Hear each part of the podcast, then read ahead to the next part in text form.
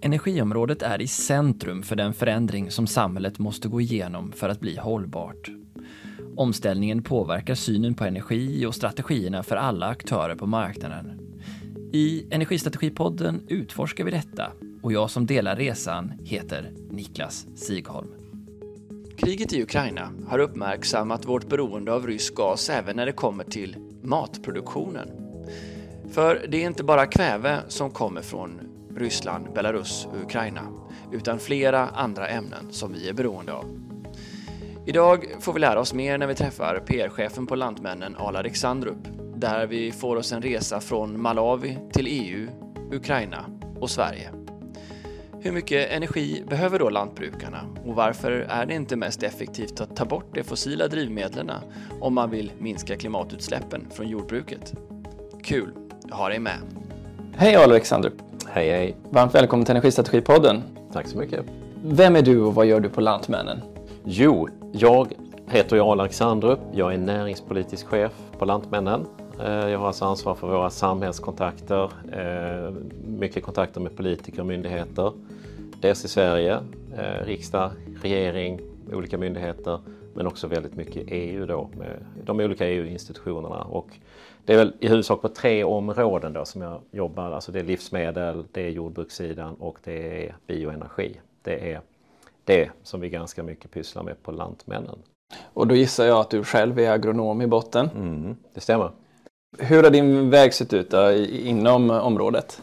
Ja, vi tar det från början. Så jag växte upp eh, utanför Lund i Torna-Hällestad. Stort naturintresse och höll på med hästar och mycket ute i naturen med mina föräldrar. Så att det är ett blandat intresse av säga, natur, naturvetenskap och lantbruk då. Eh, mina morföräldrar hade ett, eh, en handelsträdgård utanför Helsingborg i östra Ramlösa växte upp där och blev intresserad. Och sen så kom jag in på jordbruksbanan då och började jobba i, ja, i unga år får man väl säga. Eh, jag gjorde utbildning och skaffade mig praktik och sen blev jag lantmästare på Alnarp, SLU, eh, Lantbruksuniversitetet. Och sen fortsatte jag läsa till agronom och då läste jag ekonomisk inriktning och framförallt eh, nationalekonomi, lite statsvetenskap i Uppsala eh, och eh, det här som, den grenen av nationalekonomi som heter Economics of Natural Resources and the Environment som handlar just om hur man knyter ihop naturvetenskapen med nationalekonomi kan man säga, hur man utformar olika styrmedel för att hantera naturresurser och miljöfrågor. Eh, så det är min bakgrund utbildningsmässigt då och sen så har jag arbetat med diverse jobb. Jag har varit en sväng på en länsstyrelse, en kort session på jordbruksdepartementet när det fanns ett sånt, så det är ganska länge sedan. Och sen har jag jobbat sammanlagt tio år på LRF, eh, både i Stockholm med miljöfrågor och energifrågor och i Bryssel på deras kontor där. Och sen så har jag varit då, eh, vi ska säga 2009 på Lantmännen då men jag har haft ett uppehåll. Då har jag varit näringspolitisk chef och jobbat med de här frågorna. Ett uppehåll när jag var i Malawi. Jobbade i Afrika med eh, utveckling av jordbruk eh, i Malawi i sydöstra Afrika. Vi, vi har ju pratat om det här någon gång tidigare men kan du ge oss någon sån här takeaway du hade av dina ja, två år i Malawi? Hur, hur är det? Afrika borde kunna försörja sig självt men gör inte riktigt det. Ja, nej precis. Nej, men jag brukar tänka att Afrika skulle faktiskt eh, nog kunna försörja hela världen med mat. Va? Men det är tvärtom. De är jätteimportberoende. Va? Och eh, det är en stor kontinent man ser ju inte det på kartorna som de ser ut när vi målar upp dem för Afrika ser ut ungefär lika stort som Europa. Men, men, men, men sanningen är ju att Afrika är faktiskt tre gånger större än geografiska Europa och då pratar vi Portugal till Uralbergen uppe vid Ishavet. Så Afrika är tre gånger större. Och har ju, jag menar livet uppstod ju där så de har ju i grunden bra förutsättningar. Men det här är alltså mismanagement eh, i, i liksom kopiös skala då under ja, mycket, mycket lång tid ju. Och eh, det, det, finns en stor potential att producera mycket mer. de skulle dels kunna försörja sig själva många gånger om. De skulle kunna försörja sig själva med biodrivmedel istället för att importera massor med dyra fossila drivmedel och energislag från andra kontinenter.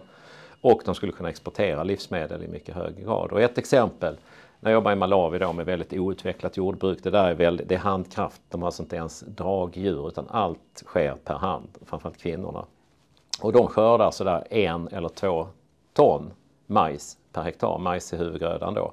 Medan i Zimbabwe på den tiden det fanns eh, så att säga, kommersiella stora farmer där så kunde de alltså komma upp i 20 ton per hektar. Alltså 10-20 gånger eh, högre skörd. Och det här var ändå något decennium sedan va, innan kollapsen i, i Zimbabwe inträffade. Då. Så att alltså det finns med utveckling och modernitet eh, utan att det behöver vara alltså att vi tänker om 20 eller 50 år liksom när alla teorier har inträffat. Utan i dagsläget så skulle man kunna höja skördarna flera, flera gånger.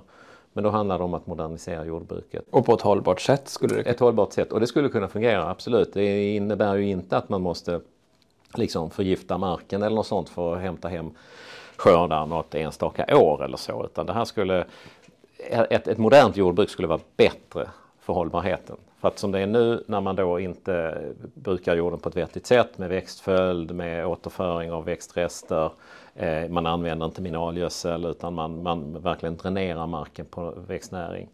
Så blir ju detta till slut, liksom det drar ju riktningen mot att man, man eh, skapar öken nästan. Va? Och skulle man få upp mullhalten eh, och, och, bättre markförutsättningar så skulle det bli mycket mer hållbart. Och dessutom så skulle man inte behöva odla upp så mycket mark. Va? För det är ett jättebekymmer. I Malawi som är lite kuperat här och där så är man då uppe på bergssidorna och odlar upp och hugger ner skogen, det lilla som finns kvar. Och sen så när det blir störtregn under regnperioden så blir det ju då översvämningar, all matjorden rinner ner i floden och försvinner ut i havet till slut. Va? Så att det är inte hållbart utan skulle man då kunna fördubbla skördarna eller ja, mer än så så skulle man kunna ägna sig åt odling där det passar och inte uppe i bergen. Och nu när vi pratar klimat här, så, eller vi kan väl göra det lite grann, så är det ju faktiskt så att i Afrika då som hel kontinent eh, så utsläppen av att man eh, röjer ny mark för att odla mer mat för att man har så låg produktion per hektar. De utsläppen av växthusgaser är alltså större än vad som släpps ut av att man eldar fossil energi i Afrika. Så det är de proportionerna. Så att en modernisering av jordbruket där skulle vara enormt viktigt och ha stor betydelse på så väldigt många olika sätt. En bra påminnelse om varför strategi och management är så viktiga insatsvaror i industrin. Ja, absolut.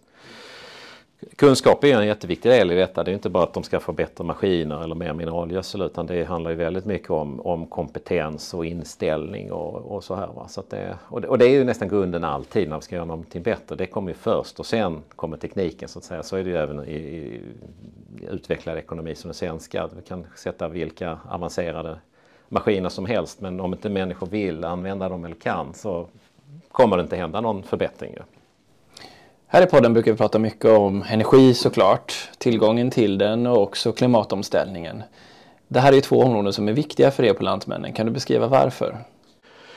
Ja, alltså klimatomställningen självklart. Eh, vi hade en torka 2018, den värsta torkan sen, eh, jag tror det var början på 50-talet, som då nästan halverade den svenska skörden. Det var ett hårt slag mot jordbruket givetvis, det tror jag vem som helst kan begripa och, och, och det fick vi ju ganska, det blev ju känt i media och så.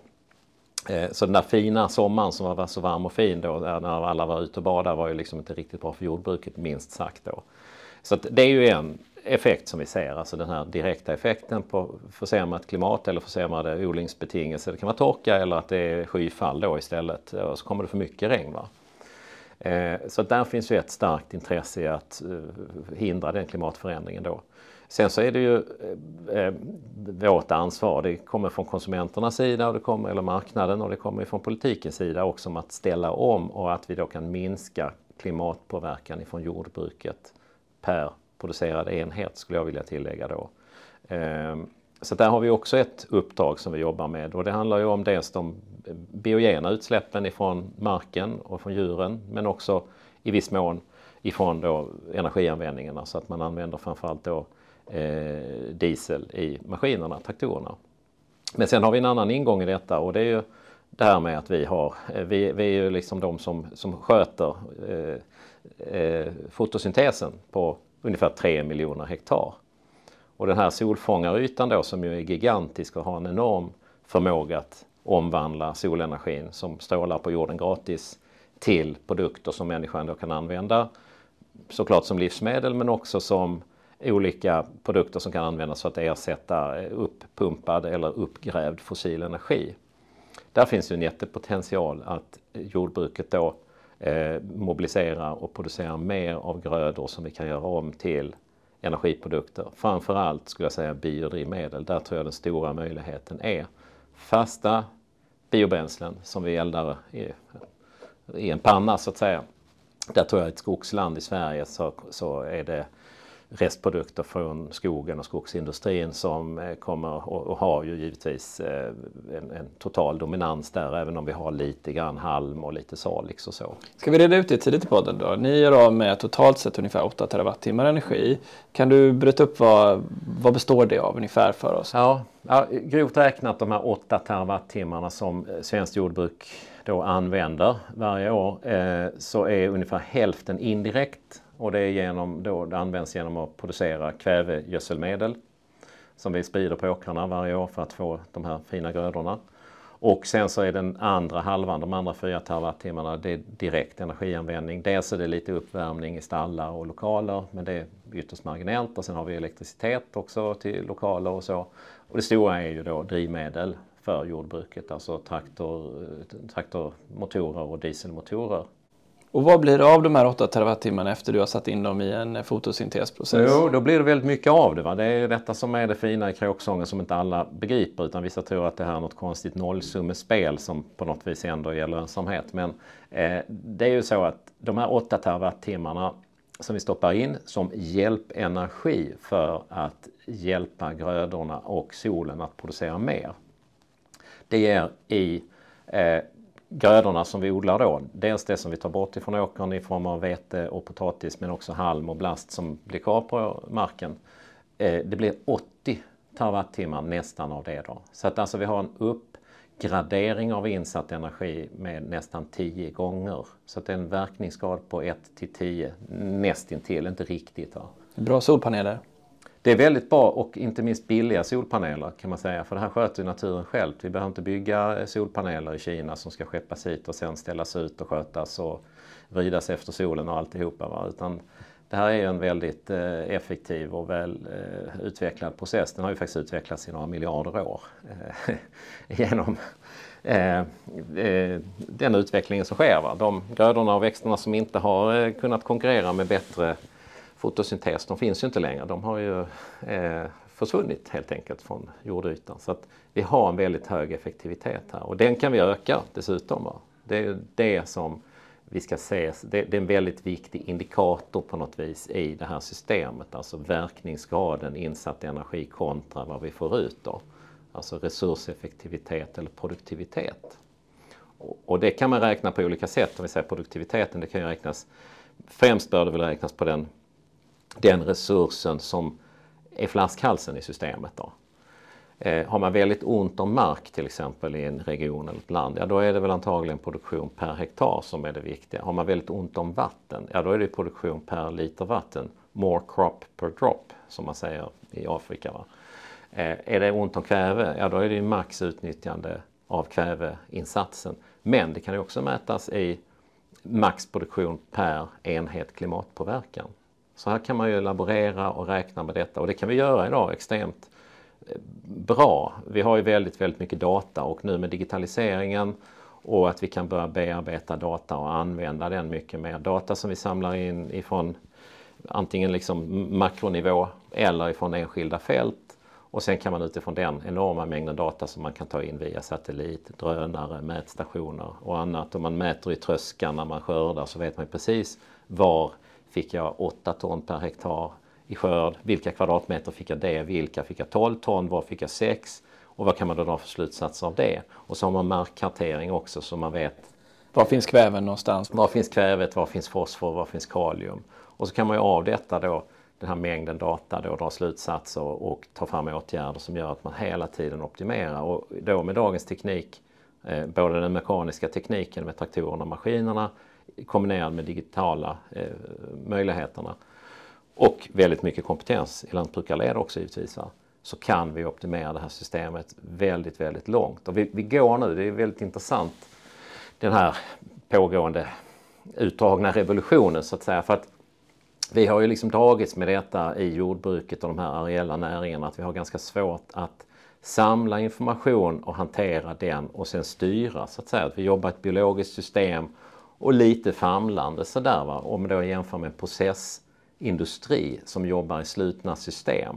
Alltså vi går lite grann i den riktningen. Om man säger en processindustri som kan mäta tryck och värme och flöde överallt. I kontrollerbara Precis. miljöer. kontrollerbart och man vet exakt, vi ändrar en halv grad på den här vätskan så kommer detta hända och så vidare. Men vi, vi går ju lite i den riktningen. Vi kommer aldrig bli lika bra som en totalt styrd vi har klimatet och biologin. Liksom, va? Men vi kan lära oss mycket och vi kan optimera mycket, mycket mer. Va?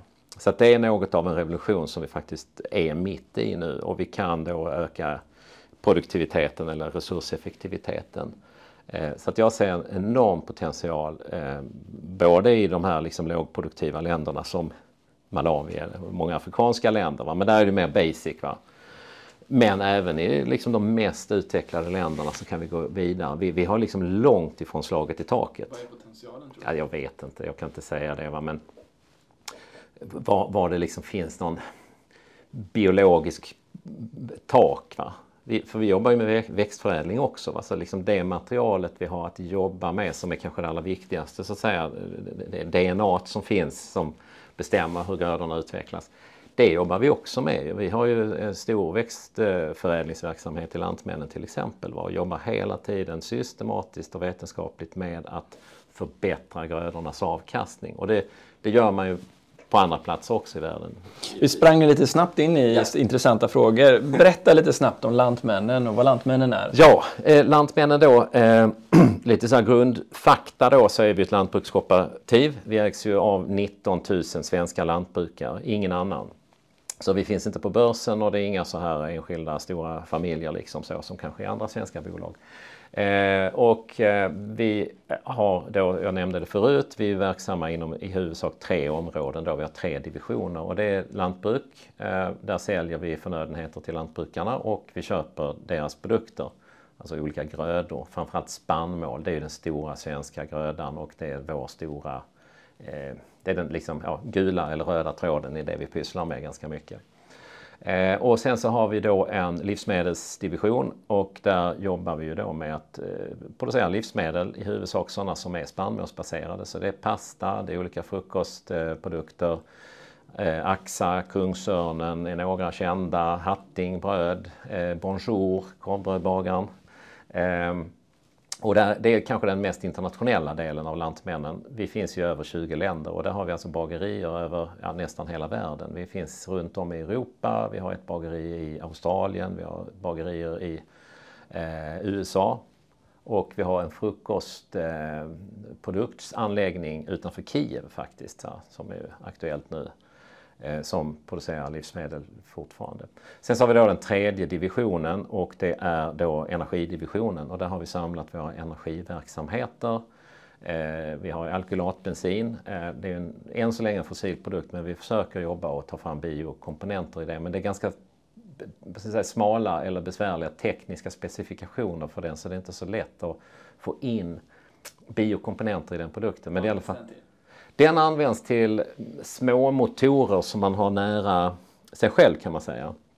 Det klassiska är motorsågar, det var det därifrån det kom så att säga. Va? För ett antal decennier sedan när då skogsarbetarna fortfarande körde mycket motorsåg ute i skogarna och de fick huvudvärk och ibland kanske leukemi och annat. Va? Så var det någon uppfinnare som kom på att vi gör den här alkylatbensinen som är mycket renare. Den fungerar lika bra, minst lika bra egentligen som vanlig bensin men den släpper inte ut så mycket skräp helt enkelt. Va? Båtmotorer så att man inte liksom skräpar ner vattnet. Eh, jag är med i en kanotklubb, vi har en följebåt där och där kör vi på alkylat för att vi vill inte förstöra sjön där vi ska paddla sen. Och sen har vi mer i energisammanhanget då. Vi har pellets då, Scanbio, eh, Sveriges största pelletsföretag. Vi producerar, jag tror det är ungefär 600 000 ton pellets per år i Sverige ett antal anläggningar här i, ja, i de, så säga, Götaland och Svealand och sen har vi en anläggning i, Lettland. Eh, och sen har vi då lite värmeverksverksamhet så att vi har väl en 15-20 mindre fjärrvärmeanläggningar i, i södra Sverige. Eh, tänk Vinslöv och Skurup till exempel, den storleken. Och sen har vi då liksom vårt flaggskepp och det är agroetanol i Norrköping där vi då producerar vad vi vet världens bästa etanol eh, ur hållbarhetshänseende då. Både vad gäller klimatmässighet men andra aspekter också. Eh, så att det är de tre divisionerna och vår energiverksamhet och sen har vi ju eh, en omsättning på, jag tror förra året var det 48 miljarder kronor. Så att det här är alltså ett av de största, större företagen i Sverige. Vi, vi kvalar in som ett av de, jag skulle tro 25-30 största företagen i Sverige. Men vi är inte så kända och skälet tror jag är att vi inte är börsnoterade så att man skriver inte om oss i den vanliga affärspressen utan ska man läsa om Lantmännen så är det Land och ATL som gäller.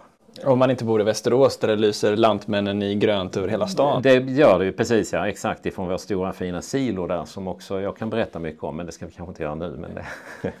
men ändå, eh, intressant berättelse och nu riskerar vi komma lite off topic för det som egentligen podden handlar om men jag gör, ställer den här frågan dels som mitt eget höga intresse men också för att det ju varit mycket skriverier om omvärlden nu i relation till eh, vår matproduktion och vad vi behöver i, i Sverige och i Europa. Ehm, så av den anledningen så tycker jag ändå att det är intressant. Eh, eh, vi vet ju nu då, vi har ju kallat eh, Ukraina för, för Europas kornbod bland annat. Kan du ge oss en, en överblick? Vad innebär kriget i Ukraina för, för ja, sädproduktionen och andra viktiga delar, insatsvaror för jordbruket? Precis, och det är, både, det är ju tre länder som man kan säga är viktiga här. Det är Belarus, Vitryssland som det hette förut och så är det ju Ryssland och Ukraina. Och det är ju två huvudsakliga, eller tre huvudsakliga områden som här berör oss kan man säga. Och det är dels jordbruket i sig och exporten av jordbruksprodukter där både Ryssland och Ukraina är ju stora producenter och framförallt är de stora exportörer av vissa jordbruksprodukter. Och det är vete, det är solros och det är raps framförallt. Majs också, förlåt. Och det exporteras ju då precis eh, där de håller på att kriga nu då, alltså ut genom Svarta havet och det produceras ju också där på de, de här svartjordarna som är så kända va, i södra Ukraina och i södra Ryssland. Eh, och de är framförallt proportionellt sett så är de väldigt stora exportörer av detta. De har alltså ett stort överskott som då går iväg eh, via Svarta havet på båt och eh, till stor del åker till afrikanska länder som då tyvärr inte lyckas med sitt eget jordbruk. Va? Och Mellanöstern. Och Mellanöstern, precis. Va? Och vissa av de här länderna har ju då byggt upp ett väldigt importberoende och jag tror till exempel Egypten då importerar 100% av sin vete ifrån just de här två länderna. Eh, och eh, där, den, den effekten där kommer ju vara väldigt besvärlig och få, kan, riskerar ju få följdeffekter, alltså med oroligheter och inbördeskrig och vad som nu kan hända. Eh, den här arabiska våren startade ju faktiskt vid ett grönsaksstånd i Tunisien. Så att det fanns en liten koppling till mat och sen spred den sig vidare då i hela Mellanöstern och kriget i Syrien startade till följd av det med 300 000 döda och miljoner på flykt och så. Så att det är ju en effekt av detta då. Exporten minskar och vi får se vilka effekter det får på längre sikt för att nu har ju liksom vårbruket eh, pågår eller har, har pågått och framförallt Ukraina så är det väl då att det påverkas väldigt mycket. Det går givetvis inte att, att, att odla och så och bedriva verksamhet där det pågår ett krig. Va? Och hela samhället störs ju med drivmedel och manskap och så vidare. Va? Eh, så att det är ju en del i detta. Sen så är det ju så att de här länderna också är eh, ju, eller Ryssland är just, eller de här länderna är stora exportörer av växtnäring då, va? alltså växtnäringsämnen som vi behöver i Sverige och i Europa för att här producera mat då. Och det är både kväve och fosfor och kalium. Man prickar in här då liksom de tre stora växtnäringsämnena som behövs. Eh, och eh, fosfor är i Ryssland eh, som vi importerar fosfor från Ryssland och eh, det finns fosfor på andra platser men ett skäl till att vi tar in extra mycket från Ryssland i Sverige förutom att det är nära är att den har en lägre kadmiumnivå. För Sverige har nämligen väldigt strikta, mycket tuffare eh, krav än resten av EU på kadmiuminnehållet. Eh, så att där kan vi inte köpa längre ifrån utan då behöver vi importera fosfor från Marocko framförallt.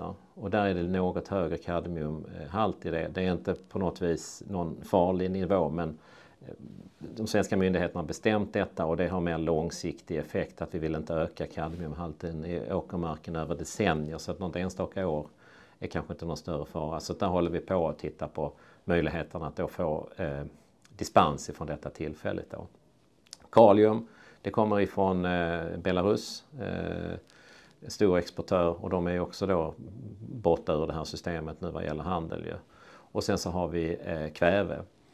Och kväve tillverkar man då med ja, naturgas eller fossilgas. Eh, och det sker en stor produktion, dels i Ryssland eh, och den är ju också bara borta exporten av kvävegödselmedel. Men, och då kan man ju tänka sig att ja, men då kan vi tillverka, vi har kväveindustri och mineralgödselindustri i Europa. Men den drivs ju av den här gasen då som är väldigt dyr. Eh, så att där, där slår liksom både den direkta effekten av att man minskar kväveexporten, eller den är ju borta, plus att då gasen är för dyr och har varit dyr. Så att Jara, då, norska eh, gödselföretaget, eh, som är en global jätte, har ju i Europa då skurit ner på produktionen här periodvis och stängt ner väldigt mycket. Nu tror jag man är uppe i normal produktion. Va? Men eh, den är väldigt dyr. Vi tycker ibland sådär att drivmedel är väldigt dyrt eh, och elen har varit dyr men alltså mineralgödsel, kväve har ju gått upp 400 procent. Och det är en, utan att den är så dyr så är det en av de största kostnadsposterna i jordbruket i växtodlingen. Så att där har vi haft en stor påverkan då av att de här kvävegödselmedlen har slutat exporteras ifrån Ryssland och, och de andra ja, ifrån både, både kväve och fosfor och kalium, NPK som vi förkortade. Va? Eh, och sen så har vi gas, att, att det faller bort och exporten av de här grödorna via Svarta havet. Då. Så att det får ju, och det har vi ju sett att världsmarknadspriserna på, på alla de här produkterna har ju gått upp jättemycket. Så att det, är, det är en, en eh, riktigt besvärlig situation. Hur översätter det till behov av prishöjning sen på slutprodukterna för bönderna? Ja, det måste ju, någonstans så måste ju den här ökade kostnaden för produktionen tas ut då. Eh, och den försöker vi ju då få att föra vidare. Den, den, den, kan ju i slutändan inte betalas av någon annan än konsumenten av de här produkterna. Det, det är den enkla matematiken.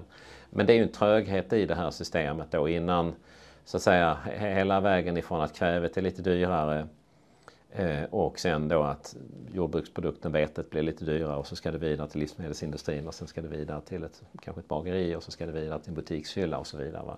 Så att där finns en fördröjning där mellan att bonden möter högre priser på sina insatsvaror tills att man blir fullt kompenserad för ett bättre pris på det man sen säljer. Därav slagrubriker om likviditetsbrist för bönder? Ja, precis. Ja. Så att eh, här sitter man då i kläm och det slår väl lite olika för olika delar av jordbruket då. De som kanske främst drabbas nu av likviditetsbrist och så är ju de bönderna och lantbrukarna som producerar animalieprodukter. De får då ett dyrare foder som de eh, måste köpa. De måste ju ge mat till djuren. Men eh, prisförändringarna har inte slagit igenom hela vägen till när de säljer djuren då. Och då hamnar man i en väldigt eh, besvärlig sits. Man måste betala sina räkningar men man får inte in lika mycket pengar. Och därav de här kompensationsåtgärderna då, det så kallade krispaketet ifrån regeringen då. Att man försöker på olika sätt kompensera jordbruket för att hålla igång det helt enkelt i Sverige. Men nu, nu, nämnde du ett exempel här om eh, just eh, ammoniumnitrat eller eh, gödsel. Mm. Att det har gått upp med 400 procent. Vi vet nu att inflationen i Sverige ligger på 6 procent ungefär. Vad tror du att man har att förvänta sig det kommande året i form av prishöjningar på den här typen av livsmedel?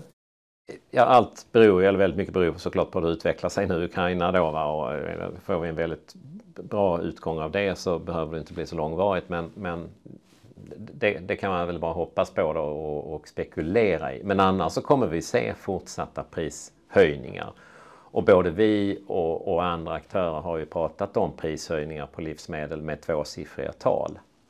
Eh, så att det är inte så här liksom att vi... Är inte lite grann? Nej, men inte så att vi behöver att vi anger det på promillet när, liksom att det blir 2,6 eller någonting sånt. Utan vi pratar om större prishöjningar. Men det är väldigt, jag skulle säga att det, det är som alltid med priser, men vem, vem kan säga vad oljepriset är om ett halvår? Ingen. Och det är samma sak här och nu är det så många faktorer som är uppe och sen så plus då när det är jordbruk så, så har vi ju liksom alltid den här extra faktorn med väder och, och, så som kan påverka. Liksom blir det ett torrår i, i USA så påverkar det. Va? Men det kan också bli ett kanonår i USA.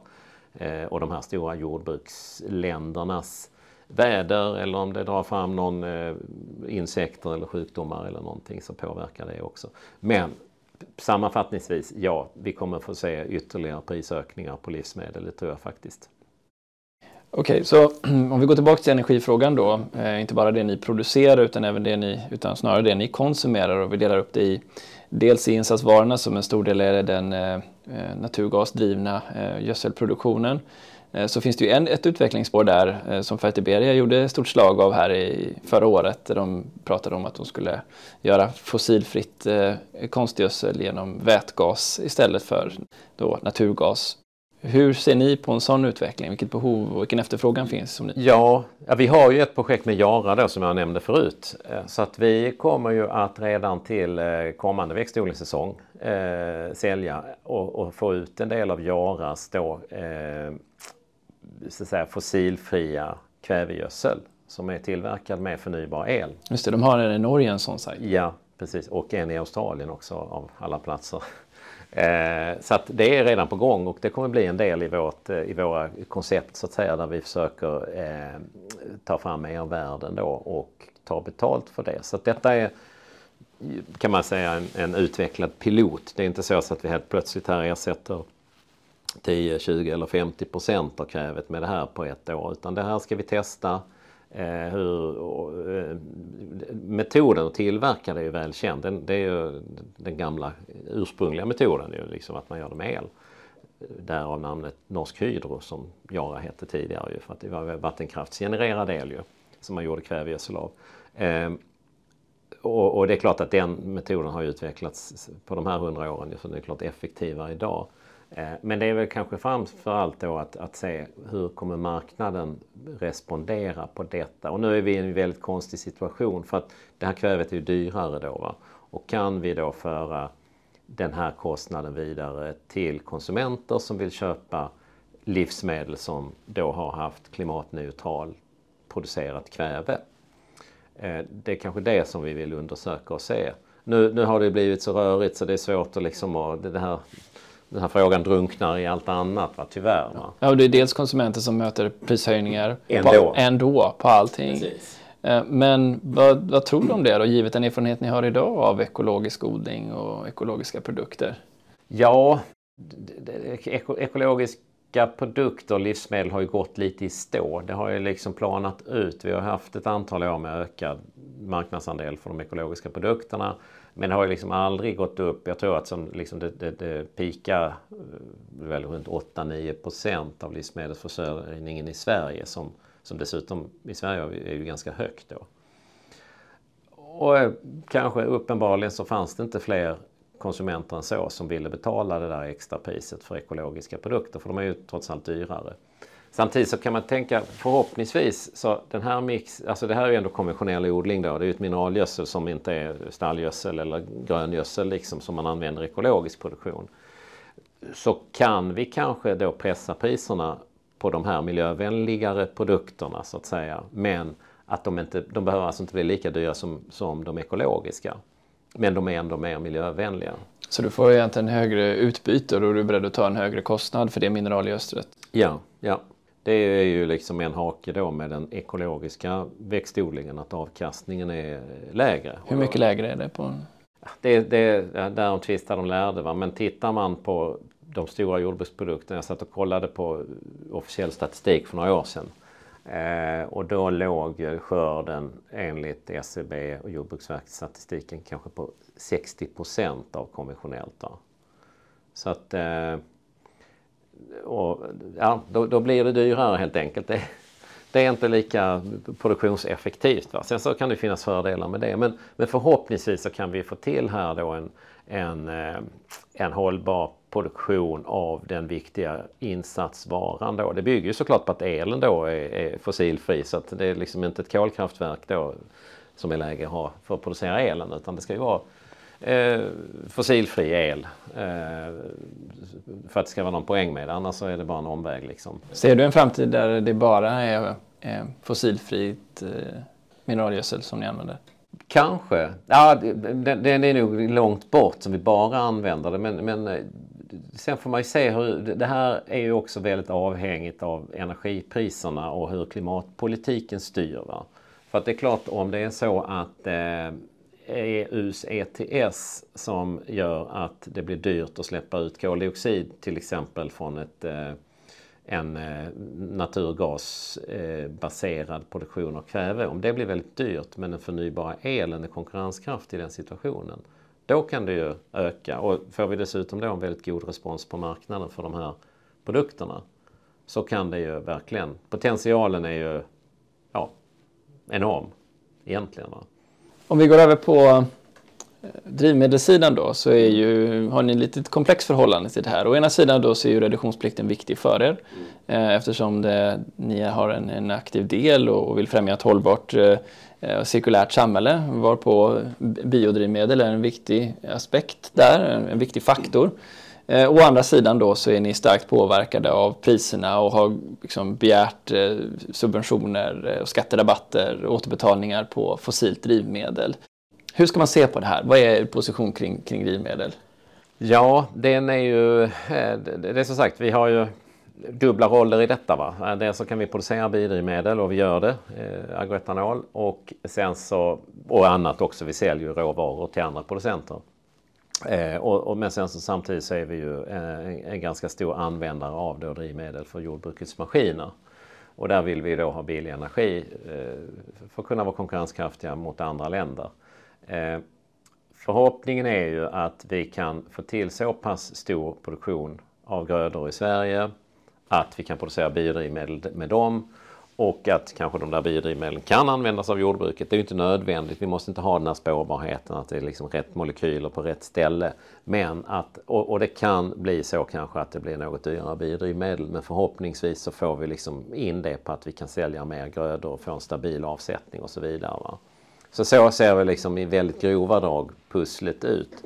Sen kan man ju tänka sig olika politiska åtgärder för detta. Om man nu verkligen vill ställa om jordbruket så att jordbrukets drivmedelsanvändning blir mer förnybar eller till slut kanske totalt förnybar.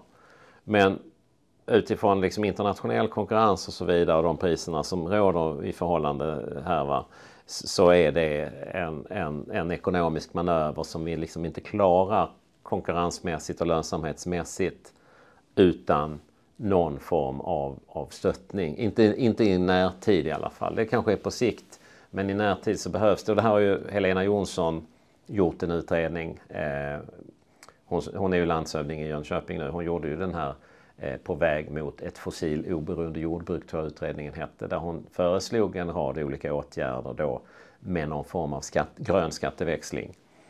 Eh, där man liksom då växlar eh, energiskatt mot sänkt inkomstskatt.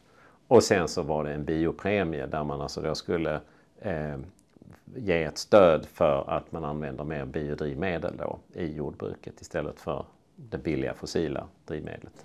Just det, så statens roll här blir ju att kliva in för att facilitera det här för ni är på en marknad som är internationell så då kan inte Sverige ställa sig utanför den utan att då putta in pengar för det aktiva valet att ni ska vara mer hållbara i... Det är väl en del i det. Eh, sen så kan ju staten ha en roll också i att försöka facilitera en utbyggnad av den inhemska produktionen också. Vara mer pådrivande där. Och allt handlar liksom inte bara om att subventionera med mer pengar. Liksom, utan det, man kan ju ha andra roller. Alltså att vara samordnande, skapa andra förutsättningar. En fråga som är uppe nu är det här med tillståndsprocesser till exempel. Va? Så det, det, finns andra möjligheter också. Så det är inte bara det att det ska ut si och så många miljoner per år för att driva på detta. Eh, och vi tycker ju att den här Helena Jonsson-utredningen, den är bra. Det är jätteintressanta förslag. Va? Men den har ju gått i stå. Det har inte hänt någonting sedan remiss, vad vi vet i alla fall. Remissrundan pågick någon gång i höstas tror jag det var. Men det kan man ju för övrigt säga om eh, eh, regeringens, eller de regeringarnas ambitioner om att öka biodrivmedelsproduktionen i Sverige sedan, ja, vadå, mitten på 90-talet. Ja, nej, den har ju varit eh, minst sagt medioker får man säga. Politiken här vad gäller att öka den inhemska produktionen då. Eh, för det har ju knappt funnits någon politik. Det finns ju då reduktionsplikten och skattereduktionen då för höginblandade biodrivmedel. Men då ska man ju komma ihåg att det är helt inriktat på efterfrågesidan. Va? Och det är ju inte så att det bara per automatik för att det finns en efterfrågan så liksom blomstrar då produktionssidan upp. Va? Utan den här efterfrågestyrda politiken har ju mycket riktigt ökat efterfrågan och användningen av biodrivmedel precis enligt plan. Då, va? Liksom det, det, det, finns ju tvingande sanktionsavgifter så de som inte gör som reduktionsplikten vill, alltså oljebolagen eller drivmedelsbolagen, de får ju betala sanktionsavgift. Så det, det är inte så förvånande att det blir så, att det följer. Vad skulle man kunna göra då? För, eh, vi måste nästan förklara lite grann för lyssnarna här tror jag. Liksom att biodrivmedelsproduktionen har ju dels att göra med energirika grödor som mm. odlas av bönder, likt raps. Men som också har att göra med, med, med skogen. Och ni har ju också stora skogs... Era medlemmar äger ju mycket skog onekligen. Ja. Um, hur, hur ser... Hur bör, vad bör hända egentligen frågan? Jo, men då, då precis. Eh, då behöver man ha politik och ett fokus på produktionssidan, alltså på utbudssidan så att vi inte bara har det som är riktat mot efterfrågesidan som har inlett till att vi har en väldigt stor import. Va? Utan då behöver vi ha en industripolitik här då. Eh, så att jag tror att vi behöver alla tänka industripolitik och inte bara klimatpolitik. Va? Då får man ett helt annat perspektiv på detta. Och jag är ganska övertygad om att det här kan bli en viktig del i, i liksom inom den svenska industrin. Det här kan bli en, en, en ny viktig industrigren faktiskt, då, en bransch. Eh, och det tror jag är utgångspunkten för hur man ska jobba med detta. Man behöver, och vi behöver ta fram en strategi för det här. För att jag ska ha möte imorgon till exempel med ett riksdagsparti och vi får frågorna och då är det väldigt liksom konkreta, man vill göra en liten punktinsats och sen så ska det på något vis vara förlösande. Men jag tror inte att det räcker liksom för att utveckla en ny industrisektor som är ganska komplex och det är en massa regelverk och marknad och allting. Utan jag tror man behöver sätta sig ner faktiskt och ta fram en strategi för detta. Den behöver inte vara överdrivet och liksom stor och, och så här. Va? Men vi ser ju till exempel på elektrifieringssidan som en elektrifieringsstrategi som du och jag fick en presentation av här för någon månad sedan ju av eh, eh, ja, någon från regeringskansliet va, som var väldigt bra. Det var en imponerande eh, jag har ju läst och vi hade ju läst om och sett om den förut men, men den typen av övning och den typen av strategi där man verkligen går igenom saker och ting. Sen ska man inte överarbeta och göra det mer komplicerat än det är. Eh, men det tror jag utgör, skulle utgöra en väldigt bra bas för att kunna gå vidare. Och sen ska den då följas av en konkret handlingsplan så att det inte bara blir en hyllvärmare. Va? Och man ska ha liksom, det ska finnas tidssatta åtgärder och konkreta åtgärder och budget för detta och så vidare. Men nu kanske någon sitter och tänker då, varför elektrifierar ni inte bara? Eh, varför hålla... Ja, jordbruket ja. Ja, varför, lastbilar ska ju bli elektriska. Det, det, skulle vi ju jättegärna göra, så det finns ju inte något sånt motstånd. Ja, det kanske finns lantbrukare som gillar dieselmotorer i och för sig, va? men, men det, det, det, tror jag nog man kan komma fram Men det är ju det att den här användningen av traktorer, den sker ju på ett sånt sätt och framförallt på sådana ställen där det är väldigt svårt att, att komma åt och ladda. Eh, vi är långt ut eh, på åkrarna och skogsmaskinerna kör långt, långt ut i skogen. Eh, och det är också då stora maskiner. Va? Så att de, de kan ju vara på 3, 4, 500 hästkrafter. Och då måste man ha med sig gigantiska batterier som väger många, många ton. Eh, och det, det, funkar inte idag helt enkelt. Och dels så är det lite extra besvärligt för jordbruket. Vi vill ju ha så lågt tryck som möjligt på marken så att vi inte packar sönder marken. Va? Och man strävar hela tiden efter liksom breda däck och, och försöka ha så lite tryck som möjligt. Eh, och, och, då helt plötsligt lägga på 5-10 ton batterier, va? Det, det, är ingen bra grej. Va? Och det sker heller ingen utveckling. Det här maskiner idag, traktorer och så, det är ju stora globala eh, aktörer som, som tillverkar traktorer till exempel. Det är ju inte lilla Volvo BM längre i, i Eskilstuna liksom. Eh, Volvo finns ju kvar men de gör ju eh, lastmaskiner och construction equipment. Då. Eh, men det finns alltså väldigt, väldigt lite av utveckling där. Så det är inte, det är inte alls som på personbilssidan där nu alla personbilstillverkarna har batterilösningar och ellösningar då.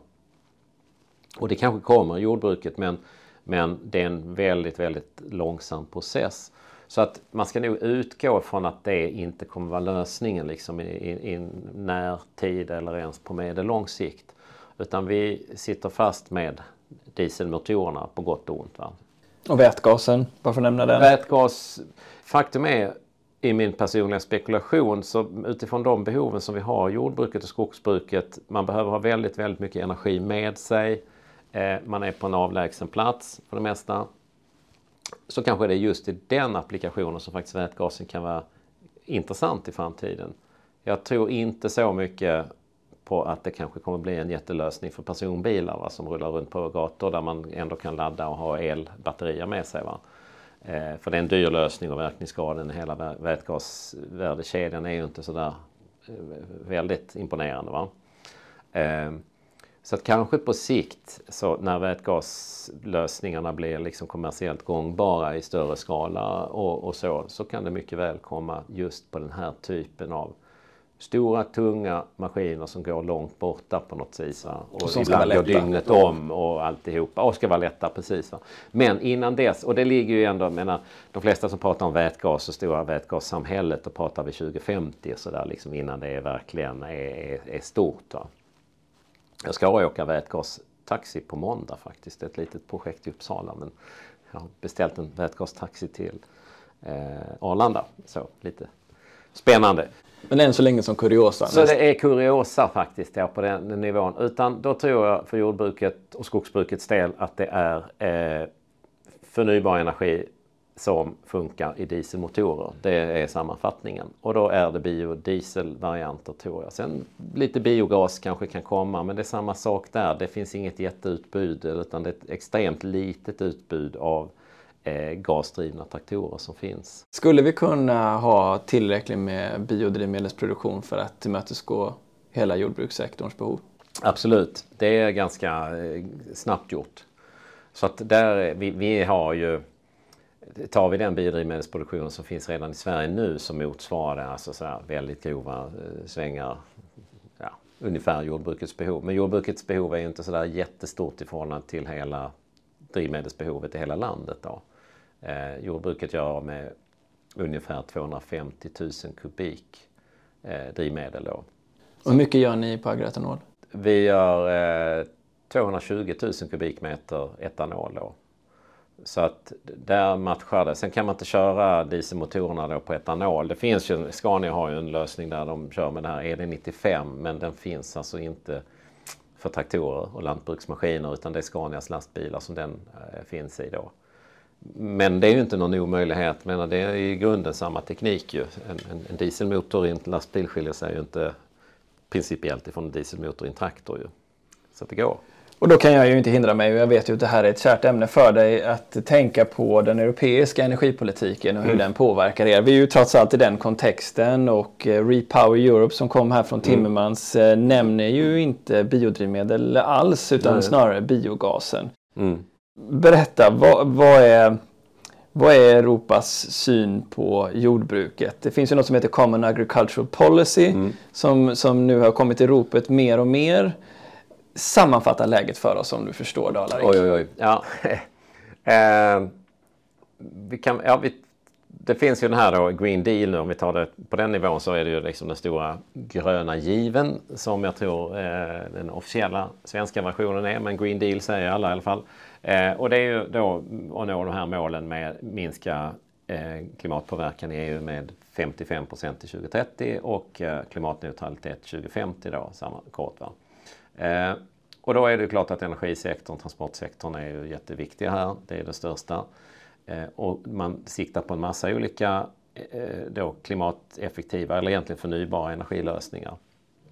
Det är sol och ja, vätgas försöker man inbilla att det är någon primärkälla i sin kommunikation. Men det är ju bara en energi, det är som el, det är bara en energibärare. Men på något sätt så går alla på det att det här är liksom en, någon slags primärkälla då. En jungfrulig vara av något slag? Ja, jo exakt. Ja, men det framställs så. Hur, hur ska vi lösa utfasningen av kol? Jo, vi ska ha mer vätgas. Och vätgas i all ära, det är jättebra energibärare men det är ju inte någonting som man pumpar upp ur jorden liksom. Eller, det är inte biogas heller. Va? Ehm, men så finns det ju den här synen i EU eh, där man inte ser speciellt positivt på bioenergi om vi nu pratar det.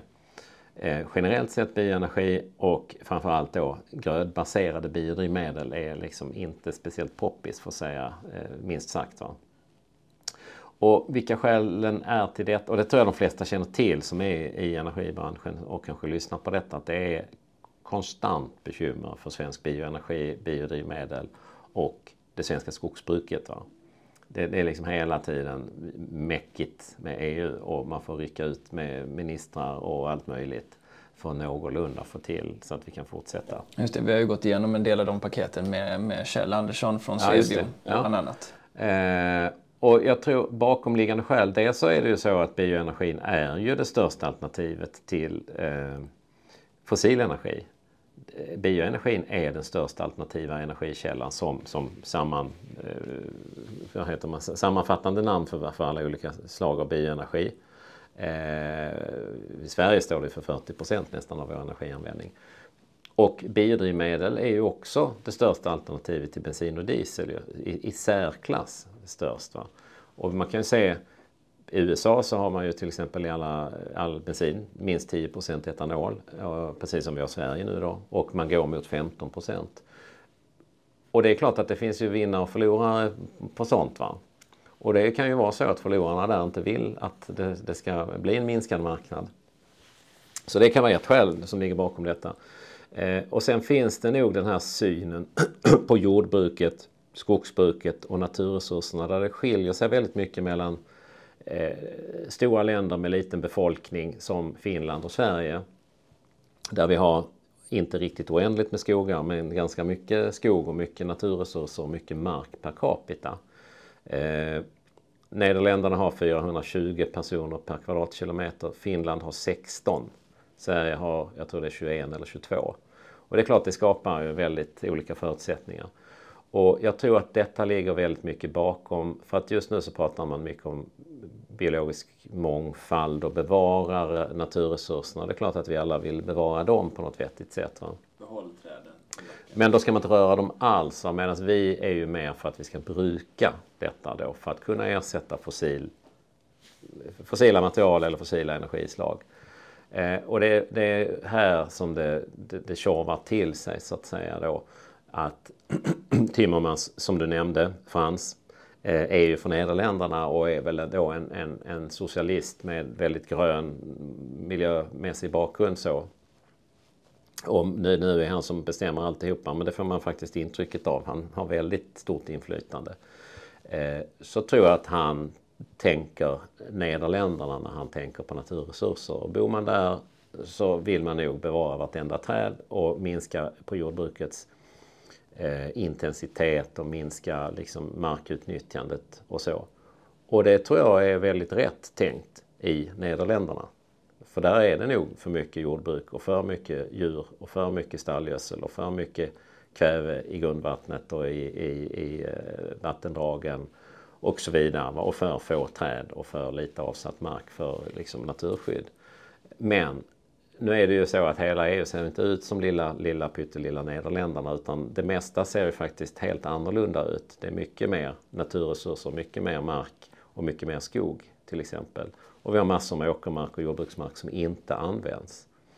Så att det blir fel när man då liksom försöker applicera, om jag nu säger ett nederländskt tänk, på hela EU vad gäller hur vi ska hantera naturresurserna. Så där måste det finnas en mycket, mycket större flexibilitet och anpassning till de olika delarna av EU helt enkelt. Så att vi får, för att vi har ju liksom en monumentalt stor utmaning med att fasa ut och bara minska fossilberoendet. Alltså EU, vad är vi uppe Jag tror det är 70-80% av energianvändningen är fortfarande fossil. Det är liksom helt gigantiskt. Vi har av med nästan en miljard liter bensin och diesel varje dag i EU. Alltså en, en miljard liter, det kan man inte förstå hur mycket det är. Och då måste vi göra någonting och då får liksom alla hållbara lösningar användas. Och i de länder och de områdena där vi kan använda jordbruksmark som kanske annars inte skulle användas, restprodukter från skogsbruket eller från skogsindustrin.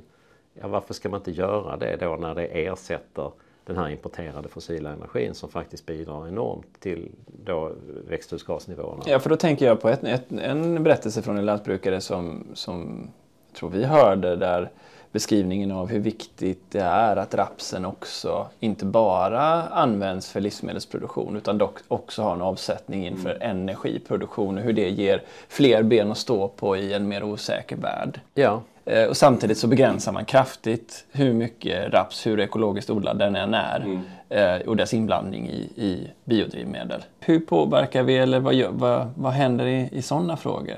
Ja, ja, men där försöker vi så gott vi kan påverka de här olika EU-besluten. Det pågår ju väldigt mycket arbete nu. Just nu som vi diskuterar det här så, så förhandlar man ju då till exempel förnybart-direktivet, alltså RED 3 då, den tredje versionen av, av förnybart-direktivet. Hur tycker du det går med RED 3? Ja, det är ganska rörigt nu faktiskt. Ehm, för att det är lite olika. Just nu så är det inne i de olika kommittéerna då i eh, parlament, Europaparlamentet då. Och eh, där ser vi och då är vi inne i en sån fas att de här olika kommittéerna då eh, börjar positionera sig för att sen förhandla om vad eh, Europaparlamentet ska komma fram till och vad som sen då Europaparlamentet ska ta med sig i sin förhandling med rådet där medlemsstaterna är direkt representerade. Så att nu blir det så här lite extrema positioneringar ifrån de olika kommittéerna. För att sen ska man hamna i mitten så att säga. Så då tar man i väldigt mycket. Så att härom, ja väldigt nyligen nu så hade då miljöutskottet, Envi, ett förslag på att man skulle halvera, vi har, vi har ju det här så kallade taket på 7% hur mycket i grönbaserade biodrivmedel man får använda. Men då kom de bara helt plötsligt med ett förslag om att det där skulle halveras, alltså 3,5 procent. Och det har vi aldrig hört förut. Vad är man rädd för? Det är flera skäl. Vi har ju haft den här food versus fuel-frågan, men den tycker jag nog har blåst över. Den har ju liksom blivit lite hetare nu just nu när livsmedelspriserna är högre. Vi har haft det här med ILUC, Indirect Land Use Changes, alltså att man börjar odla upp mark på andra platser eh, på planeten. Biologisk mångfald, det här med regnskogarna i Indonesien och i Malaysia och eh, palmolja som nu är löst med, med lagstiftning. Eh, I Sverige får man inte använda palmolja. Och sen så tror jag det som driver på väldigt mycket nu det är detta med jordbruket, alltså att man vill i, i det här paketet Fit for 55 och där finns ju något som heter Farm to Fork, alltså ett miljöpaket riktat speciellt mot jordbruket. Det är ju liksom ingen hejd på hur mycket man kan hitta på faktiskt heller. Va? Eh, jag har ganska mycket att göra kan jag säga. Så. Men det kvittar ju. Eh, och jag tror att det är det det handlar om nu, alltså att det finns krafter här då som utifrån det jag sa förut, det här med liksom den, den, den miljösituationen som finns i vissa delar av Europa, väldigt begränsade delar där man vill dra ner på intensiteten så använder man EU-politiken som ett, ett eh, verktyg för att kanske då hantera miljöproblemen i Nederländerna. Vad betyder det att dra ner på intensiteten? Då vill man ju att man ska minska skördarna, man ska öka eh, produktionen av ekologiska livsmedel. Den här Farm to Fork paketet då så har man sagt, eh, satt upp siffersatta mål och till exempel så har man sagt att eh, 25 procent av åkerarealen ska vara eh, ekologisk 2030. Och i dagsläget så är det i snitt i EU 7 va? Så att det är liksom en, en enorm eh, förändring som ska till. I Sverige är vi uppe på, jag tror 22 eller 3 procent. så att vi är ganska nära och det nationella målet i Sverige råkar faktiskt vara 30 fast det har de flesta glömt. Eh, men, eh, och det är klart, eh, om man då ska odla så mycket ekologiskt och sen har man satt upp mål med att man ska minska användningen av växtnäringsämnen, man ska minska användningen av växtskyddsmedel med 50% till 2030. Eh, Oavsett vilket eh, referensvärde man ja, ja, kommer ifrån? Det här, här hugger man till eh, väldigt tillyxat och eh, för om jag förstår det rätt så väljer man ett referensår så ska alla ja. länder utgå från sitt eget referensvärde från det referensåret. Ja. Så även om man har gjort mycket, mycket mer än någon annan Precis. fram till det referensvärdet så måste man ändå halvera. Exakt, ja så är det. Och där kommer ju då Sverige som är väldigt, väldigt långt komna på det här området. Vi har haft eh, så att vi har en extremt låg användning av växtskyddsmedel per hektar i Sverige. Alltså vi, vi är verkligen i världs, eller Europaklass, världsklass ju. Eh, jag tror att vi har faktiskt lägst användning per hektar i hela EU. Det, det är vi och Finland tror jag som liksom tävlar där. Och, och det är ju inte bara liksom tur och slump att det har blivit så. Utan det är så i grunden så har vi ett väldigt modernt jordbruk och väldigt duktiga, eh, kompetenta och välmotiverade lantbrukare. Men sen så har vi haft i Sverige två halveringsprogram redan de senaste decennierna. Så att vi har ju liksom redan gjort de här resorna, fast två gånger. Så att vi har ju liksom pressat det här systemet så mycket man kan. Nu är det väldigt, väldigt svårt att komma längre och minska den här användningen av växtskyddsmedel om vi ska hålla igång liksom produktionen och skördarna och så. Eh, och det vill vi enligt riksdagens eh, livsmedelsstrategi. Vi ska öka produktionen till och med. Va? Och det bara är så tyvärr att det finns en väldig massa insekter som vill äta upp grödorna. Det finns miljoner ogräsfrön per kvadratmeter och det finns en massa svamp och mögel som vill angripa de här jättefrodiga fuktiga bestånden. Va? Det, det, det, så är det i naturen. Va? Konkurrens om, ja. om livsmedlen. Och, och, vill man då ha den här maten så får man liksom se till att skydda den på något sätt. Och, och i dagsläget så är de här kemiska produkterna en viktig del i det. Man har andra strategier också. Nu är de ju testade och det sker enligt, enligt väldiga rigorösa regelverk.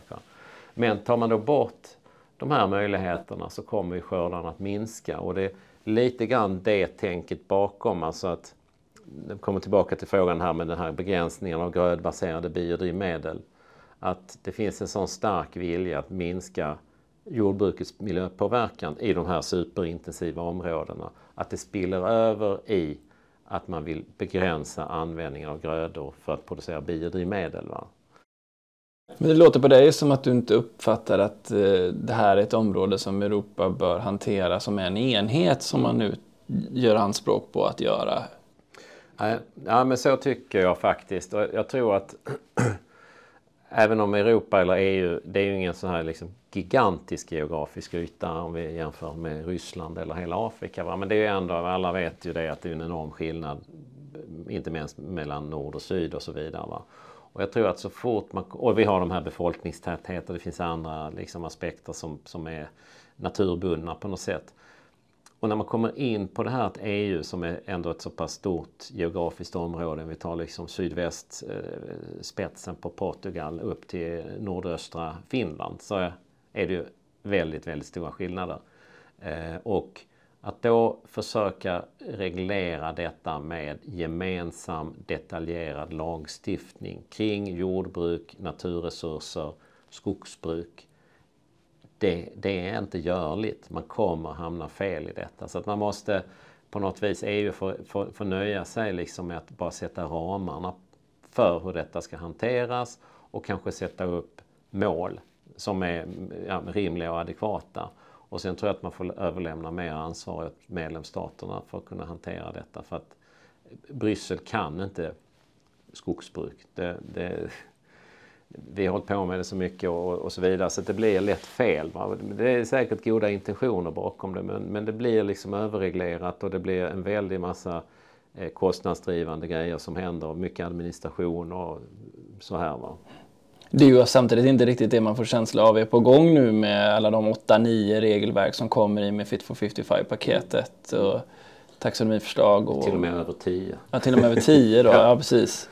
Eh, nej, alltså det är ju så när man reviderar då, det, det, det, är väl alltid en risk, så kan det även vara i Sverige, men så när man då reviderar de här direktiven så går det liksom inte i riktningen att nu ska vi förenkla och göra dem kortare och mer lättbegripliga utan det blir liksom ytterligare ytterligare detaljer. Det går ju tyvärr oftast i den riktningen. Då. Och mer delegerade akter på det. Och sen så har vi det här fenomenet inom EU som heter delegerade akter där då de lagstiftade församlingarna, eh, rådet med medlemsstaterna och Europaparlamentet delegerar eh, man kan säga motsvarande lagstiftningsansvar eh, eh eller mandat till kommissionen. Och då är det liksom utom demokratisk kontroll och det är slutna processer och då har vi det senaste liksom magnifika exemplet på detta som taxonomin. Som kommissionen misskötte något så till den alltså så milda grad.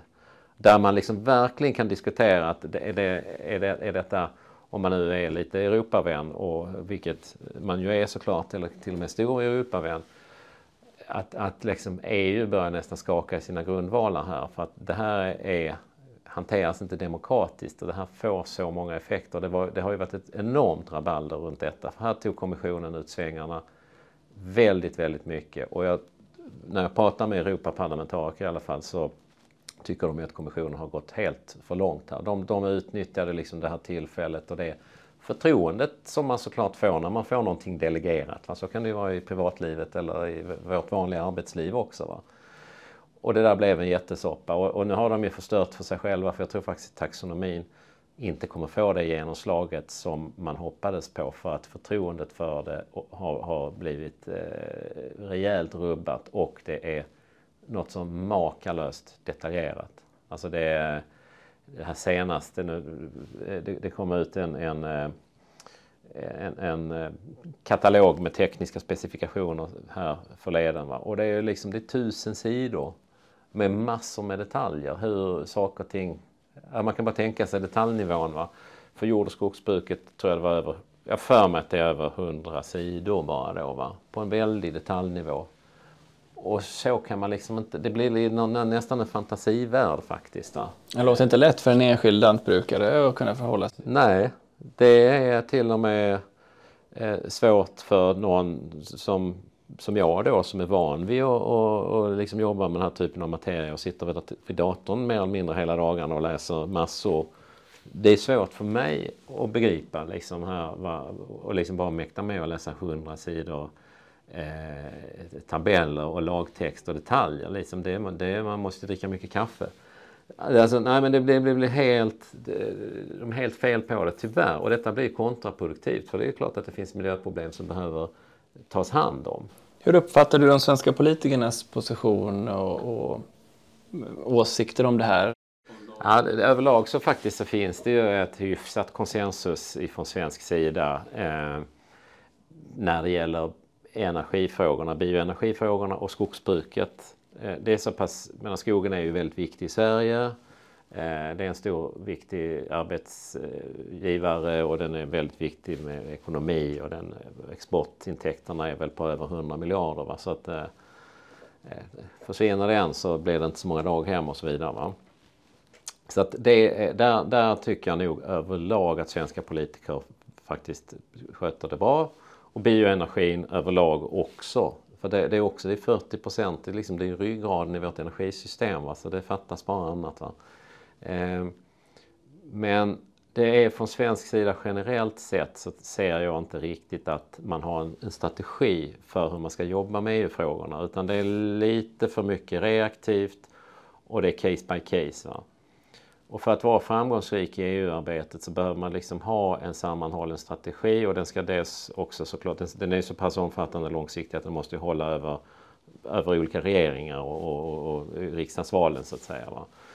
Eh, och vi behöver få ner mer duktigt folk i Bryssel. Vi behöver till exempel se till att vi har fler EU-utbildningar på universiteten. En sån grej som att man försöker placera ut eh, nationella experter på kommissionen när det kommer upp ett viktigt paket just på det generaldirektoratet då.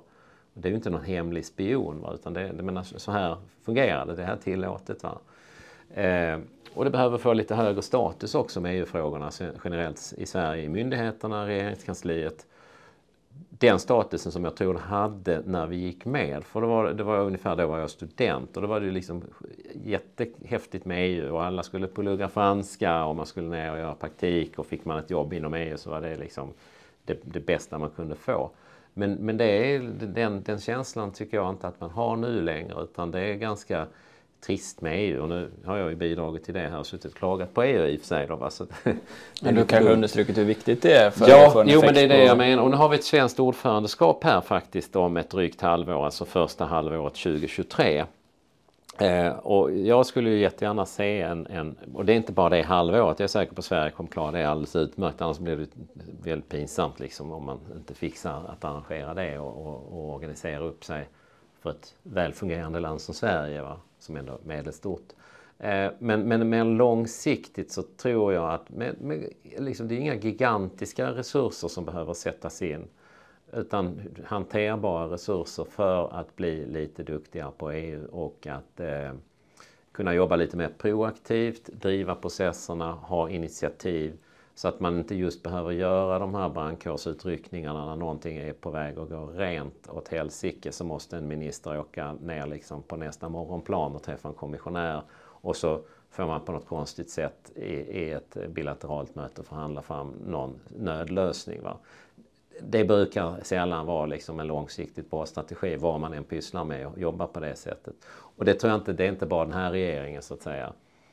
Utan det är nog ett generellt svenskt problem. Att, eh, det är ju applicerbart på hela energifrågan. Skulle... Ja, det är inte bara energifrågan utan det är, det är liksom, jag tycker väldigt många av EU-frågorna som vi inte riktigt är på tå så mycket som vi borde kunna vara och så strategiskt smarta som vi skulle kunna vara. Va? Faktiskt. Om vi blickar tillbaka till Sverige då. Och du får eh, måla upp den bilden som ni drömmer om. Du och kanske dina 19 000 medlemmar, vad vet jag. Yeah. Um, vad skulle vi, ehm, som du ser det, behöva göra med svenskt jordbruk? Skulle det behöva tas mer jord i anspråk och varför? Och, eller, vad tycker mm. ni? Ja, vi har ju en ganska låg, eller väldigt låg självförsörjningsgrad. Det kan mätas på olika sätt men mäter vi den i ekonomiska termer och det är ett vanligt sätt att mäta saker och ting ju, i en marknadsekonomi så har vi ju alltså en självförsörjningsgrad på runt 50 procent. Eh, och nu är det ju en del produkter vi inte kan producera här. Vi kan inte odla ananas och ja, vad det nu är för någonting. Va? Så att, eh, men jag ser ju ändå framför mig att vi, vi har en enorm potential att producera mycket, mycket mer i Sverige av de produkterna som är lämpliga att producera här. Va? Och vi skulle kunna bli, istället för nettoimportör på flera områden, så skulle vi kunna bli en nettoexportör. Alltså. Kan du ge oss något exempel här så vi förstår? Ja, vi har, I dagsläget har vi ju ett överskott på spannmål till exempel. Va? Men, men mjölk, ost, eh, kött, nötkött. Där har vi en jättelåg självförsörjningsgrad trots att vi har jättemycket beten. Vi är bäst i världen på, på, på att odla vall, alltså gräsvall och så vidare. Va? Där finns en enorm potential att producera mer. Och det skulle kunna var en, en, en viktig eh, intäktskälla vad gäller liksom handelsbalans och vi kunde skapa jobb och så vidare. Livsmedelsindustrierna som då förädlar det vi producerar i jordbruket är ju den tredje största industrisektorn i Sverige. EU är den största industrisektorn faktiskt. Eh, så att det finns en stor potential både vad gäller livsmedel men då som vi pratade om förut med bioenergi, framförallt biodrivmedel skulle vi kunna producera mer. Eh, och ha en högre grad av, om vi nu kallar det självförsörjning som vi var inne på. Och i, ja, i dagsläget när vi liksom, som vi har pratat om här förut, det blir oroligare i vår omvärld och eh, med de här kriserna som vi har haft nu för jordbruket, torkan 2018, pandemin och nu den här Ukraina-krisen, så är det väl fler och fler som inser att, att eh, den här totala beroendet eller väldigt stora beroendet av omvärlden som bygger på att ganska långa och ganska känsliga försörjningskedjor fungerar 24-7. Och det, ska inte, det, ska, det räcker med att någon liksom kör fel i Suezkanalen och ställer en båt på tvären så blir det kris i hela Europa. Så, och det, det är ju inte liksom något sånt där som bara inträffar en gång, vart, en, en gång på, liksom på en miljard år att någon kör fel med en båt. Där som bara, det är ett jättebanalt exempel men det, det, det visar ju verkligen på hur, hur känsligt systemet är. Va? Men hur mycket odlar vi i Sverige idag jämfört med ett, ja, säg ett år som 1918 till exempel? Ja, precis. Eh, vi, då för eh, lite drygt 100 år sedan när vi odlade som mest areal så odlade vi 50% mer areal än vad vi gör idag. Det är mycket. Det är ganska mycket. Och sen så har vi ju så att arealen finns och sen så har vi ökat avkastningen per hektar ju. Så att det finns en stor potential. Eh, dels, eh, jag tror, alltså vi, vi, kommer inte komma dit här där vi börjar röja ny mark och liksom eh, ge oss ut i skogen och hugga ner skog och bryta stubbar och ta stora stenblock och spränga och sånt. Va? Det kanske kan hända på någon, något litet ställe va? Men, men i första hand så handlar det om att dels börja odla trädor. Vi har en del trädor men, men framförallt sådana här gräsvallar i kanske främst i skogs och mellanbygd där man då har man odlar lite gräs och så kanske man sköter det och putsar av det så att det inte ska liksom växa igen med sly. Och man kanske får något sånt här stöd för biologisk mångfald och så. Där pratar vi om ganska stora arealer. Eh, och när man pratar om detta med diverse experter så är det kanske runt 500 000 hektar som skulle kunna vara möjligt att ta in i produktion då för antingen livsmedel eller för, för bioenergi. Och det kan jämföras med att vi har en, en eh, åkerareal, alltså plöjd mark, ettåriga grödor eh, i huvudsak, på ungefär 2,5 miljoner hektar. Va?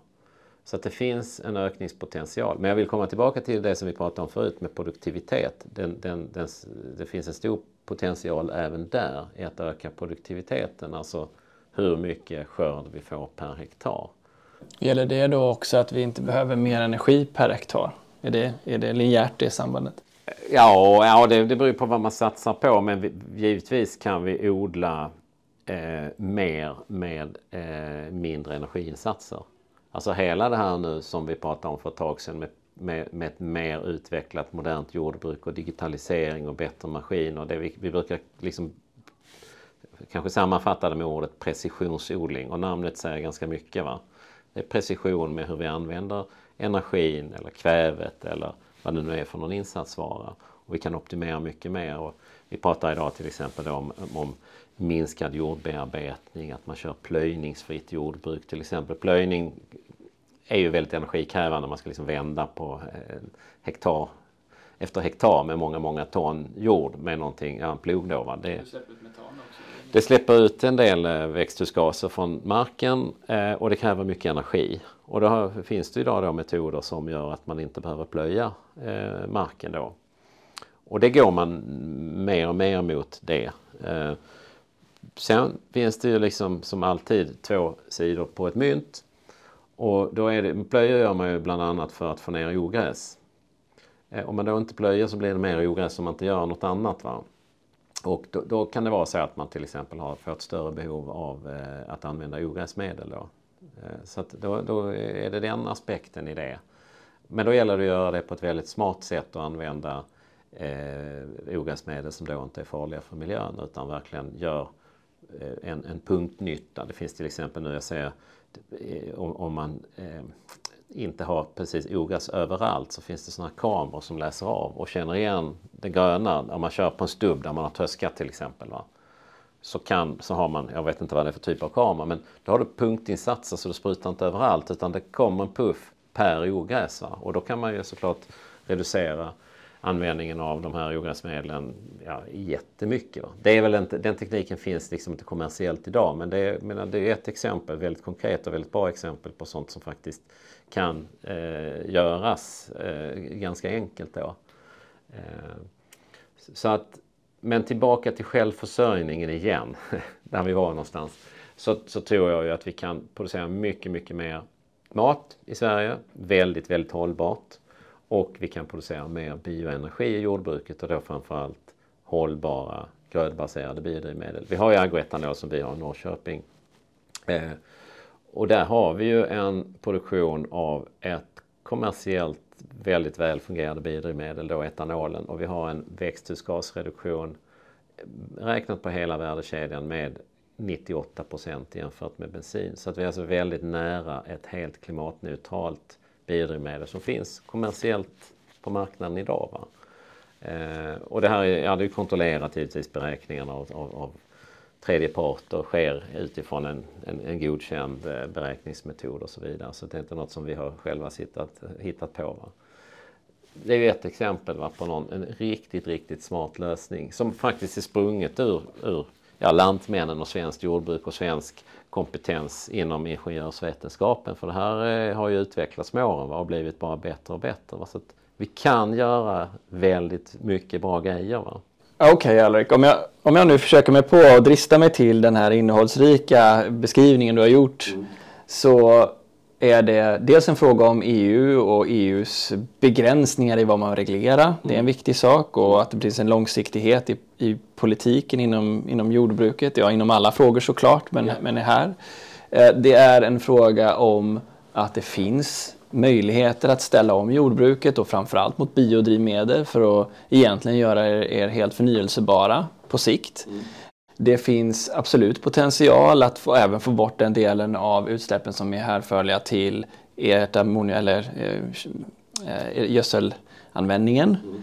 Det är också fullt möjligt att kraftigt minska klimatpåverkande eller skadliga eh, medel som används för att skydda växterna och ökad digitalisering kan tillika öka, du vill inte säga exakt hur mycket, men öka precisionen i jordbruket och öka ytterligare vad vi får ut per hektar.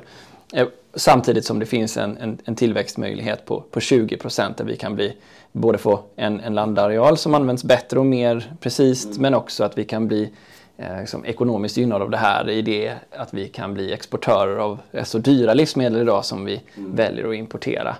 När hoppas du att vi har ett helt förnyelsebart jordbruk i Sverige? Ja, äh, det, det är ju både kväve då, de två stora komponenterna som jag sagt förut, så är det kvävet då äh, som i dagsläget i huvudsak är då baserat på en, en naturgas eller fossilgasdriven komponent eller produktion och sen så har vi ju drivmedel då.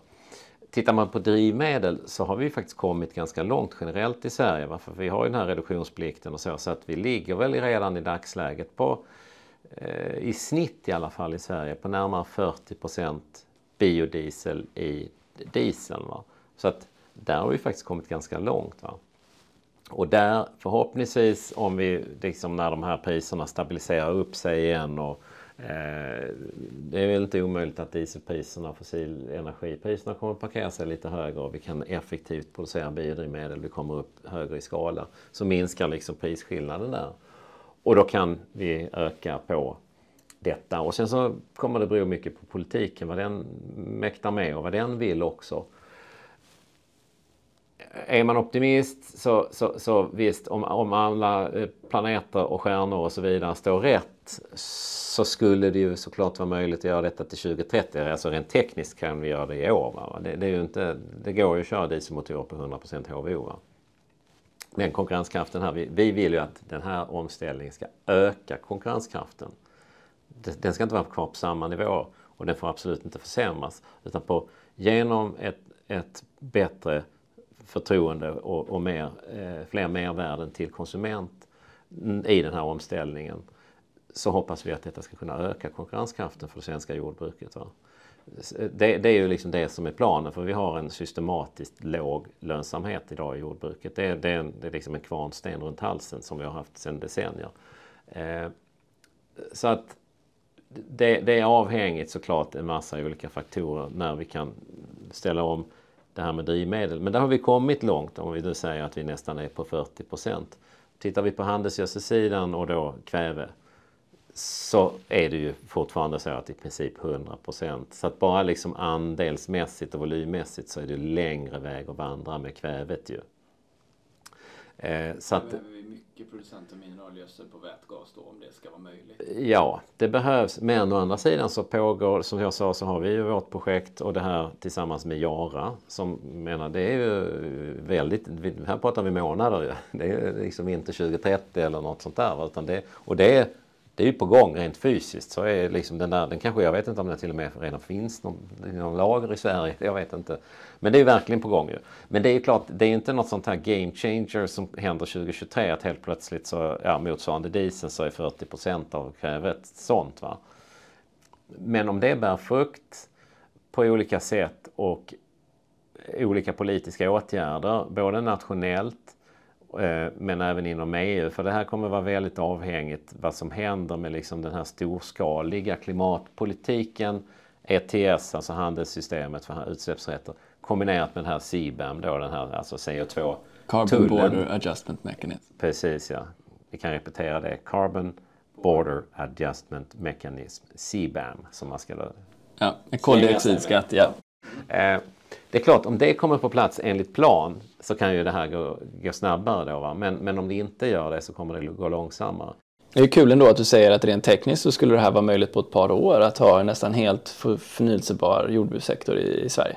Ja, alltså globalt sett så är ju kväveproduktionen så gigantiskt stor så det är klart att skulle vi bara ställa om i lilla Sverige så, så det är liksom inte hel, hela gödselindustrin globalt som behöver ställa om för att tillgodose den svenska marknaden utan det, gäller, det räcker ju med några mindre, mycket, mycket liten del. Jag menar jag antar att vi använder bara någon enstaka promille av den totala kväveproduktionen i världen. Va? Så att det är görligt. Det, det är i, i båda fallen, både vad gäller kvävet och eh, drivmedel, så är det främst en ekonomisk fråga och inte så mycket en teknisk fråga. För att köra dieselmotorer på ren biodiesel, det kan vi. Och tekniken att producera kvävegödsel med förnybar el har vi kunnat i hundra år så att säga. Så det är inte så att vi måste liksom pumpa in några miljarder forskning, kronor i forskning här först för att eventuellt få ut detta. Så det är en ekonomisk fråga och det, det är som för det mesta det är en fråga om dels politiska eh, initiativ och åtgärder och dels så är det hur mycket kan vi ta in på marknaden här från konsumenterna. Okej, jag förstår att det här är som att fråga hur långt är ett rep. Men ja. hur optimistisk är du, Alrik? Nej, men generellt sett är, är jag stor optimist runt den utvecklingen vi ser vad gäller teknik och kunskap, kompetens, vilja, attityd. Va? Och talar utifrån ett lantmännenperspektiv så ser jag det är liksom en fantastisk utveckling vi ser i den här koncernen nu. Dels så går det bra ekonomiskt och det finns ett väldigt utvecklingsdriv. Det finns liksom en väldigt positiv anda. Och Lantmännen är ju liksom i särklass störst på det här området i, i Sverige. Va? Så att vi, vi driver och leder utvecklingen och det finns liksom en väldigt spännande och vass agenda för detta i, i Lantmännen och vi kan verkligen påverka här då. Eh, men sen så hänger det på, på lönsamheten till syvende och sist på något vis. Att en del av de här åtgärderna eh, kostar mer pengar och inte minst som alltid nästan initialt. Va? Tills man kommer upp i skala och, och lär sig något nytt och så vidare. Va? Så, eh, sen om det är så att vi det här måste man ju räkna på som alltid när vi nu ska göra en, en, en väldigt stor klimatomställning som till exempel EU har bestämt sig för.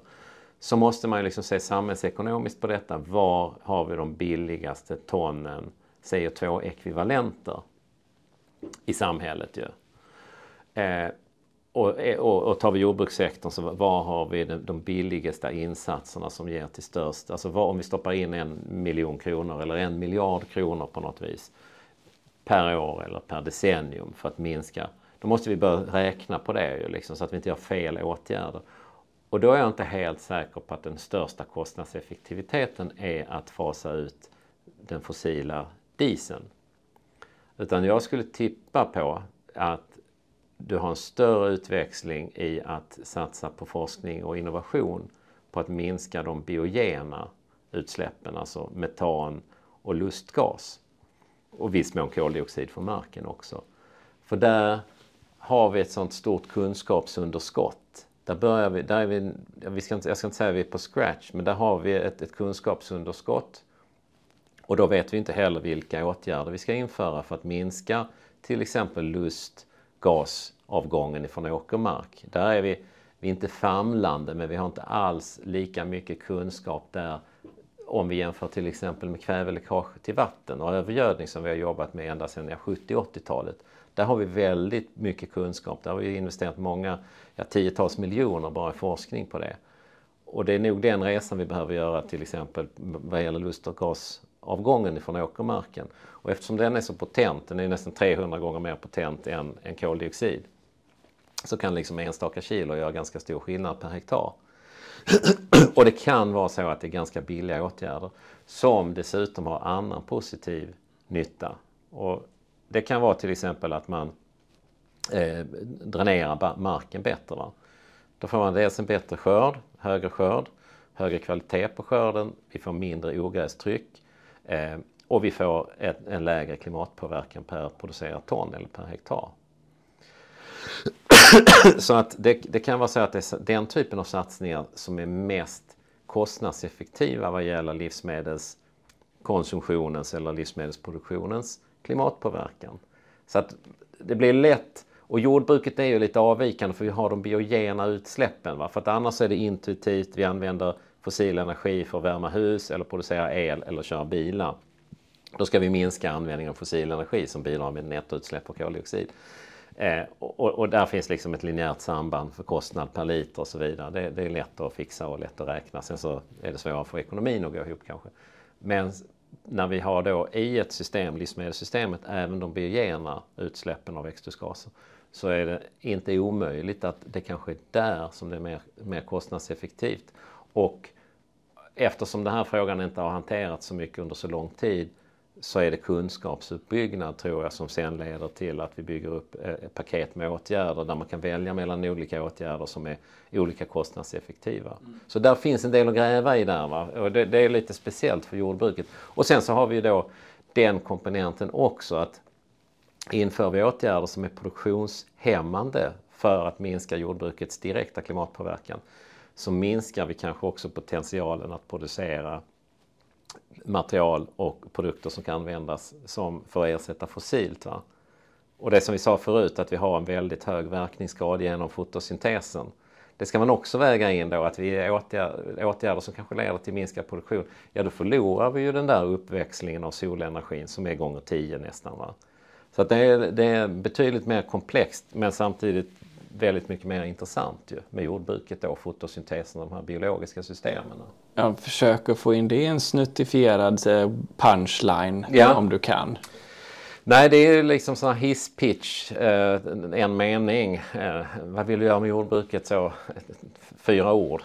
Det är lite svårare. Nu sitter jag här och babblar jättemycket. Jag hör ju hur... hur ja, du kommer ju med nytt hela tiden, vilket, ja. vilket ju är, är, fascinerande. Ja, men det är ju spännande. Det här är ju extremt spännande och det är lite grann att komma tillbaka till det här som jag sa inledningsvis med att jag växte upp med de här liksom naturvetenskapliga och naturintresset och så, miljöintresset kombinerat med det här produktionsintresset det är, det är då det blir riktigt spännande. Liksom man ska balansera detta och hitta de här optimeringsmöjligheterna och optimeringslösningarna.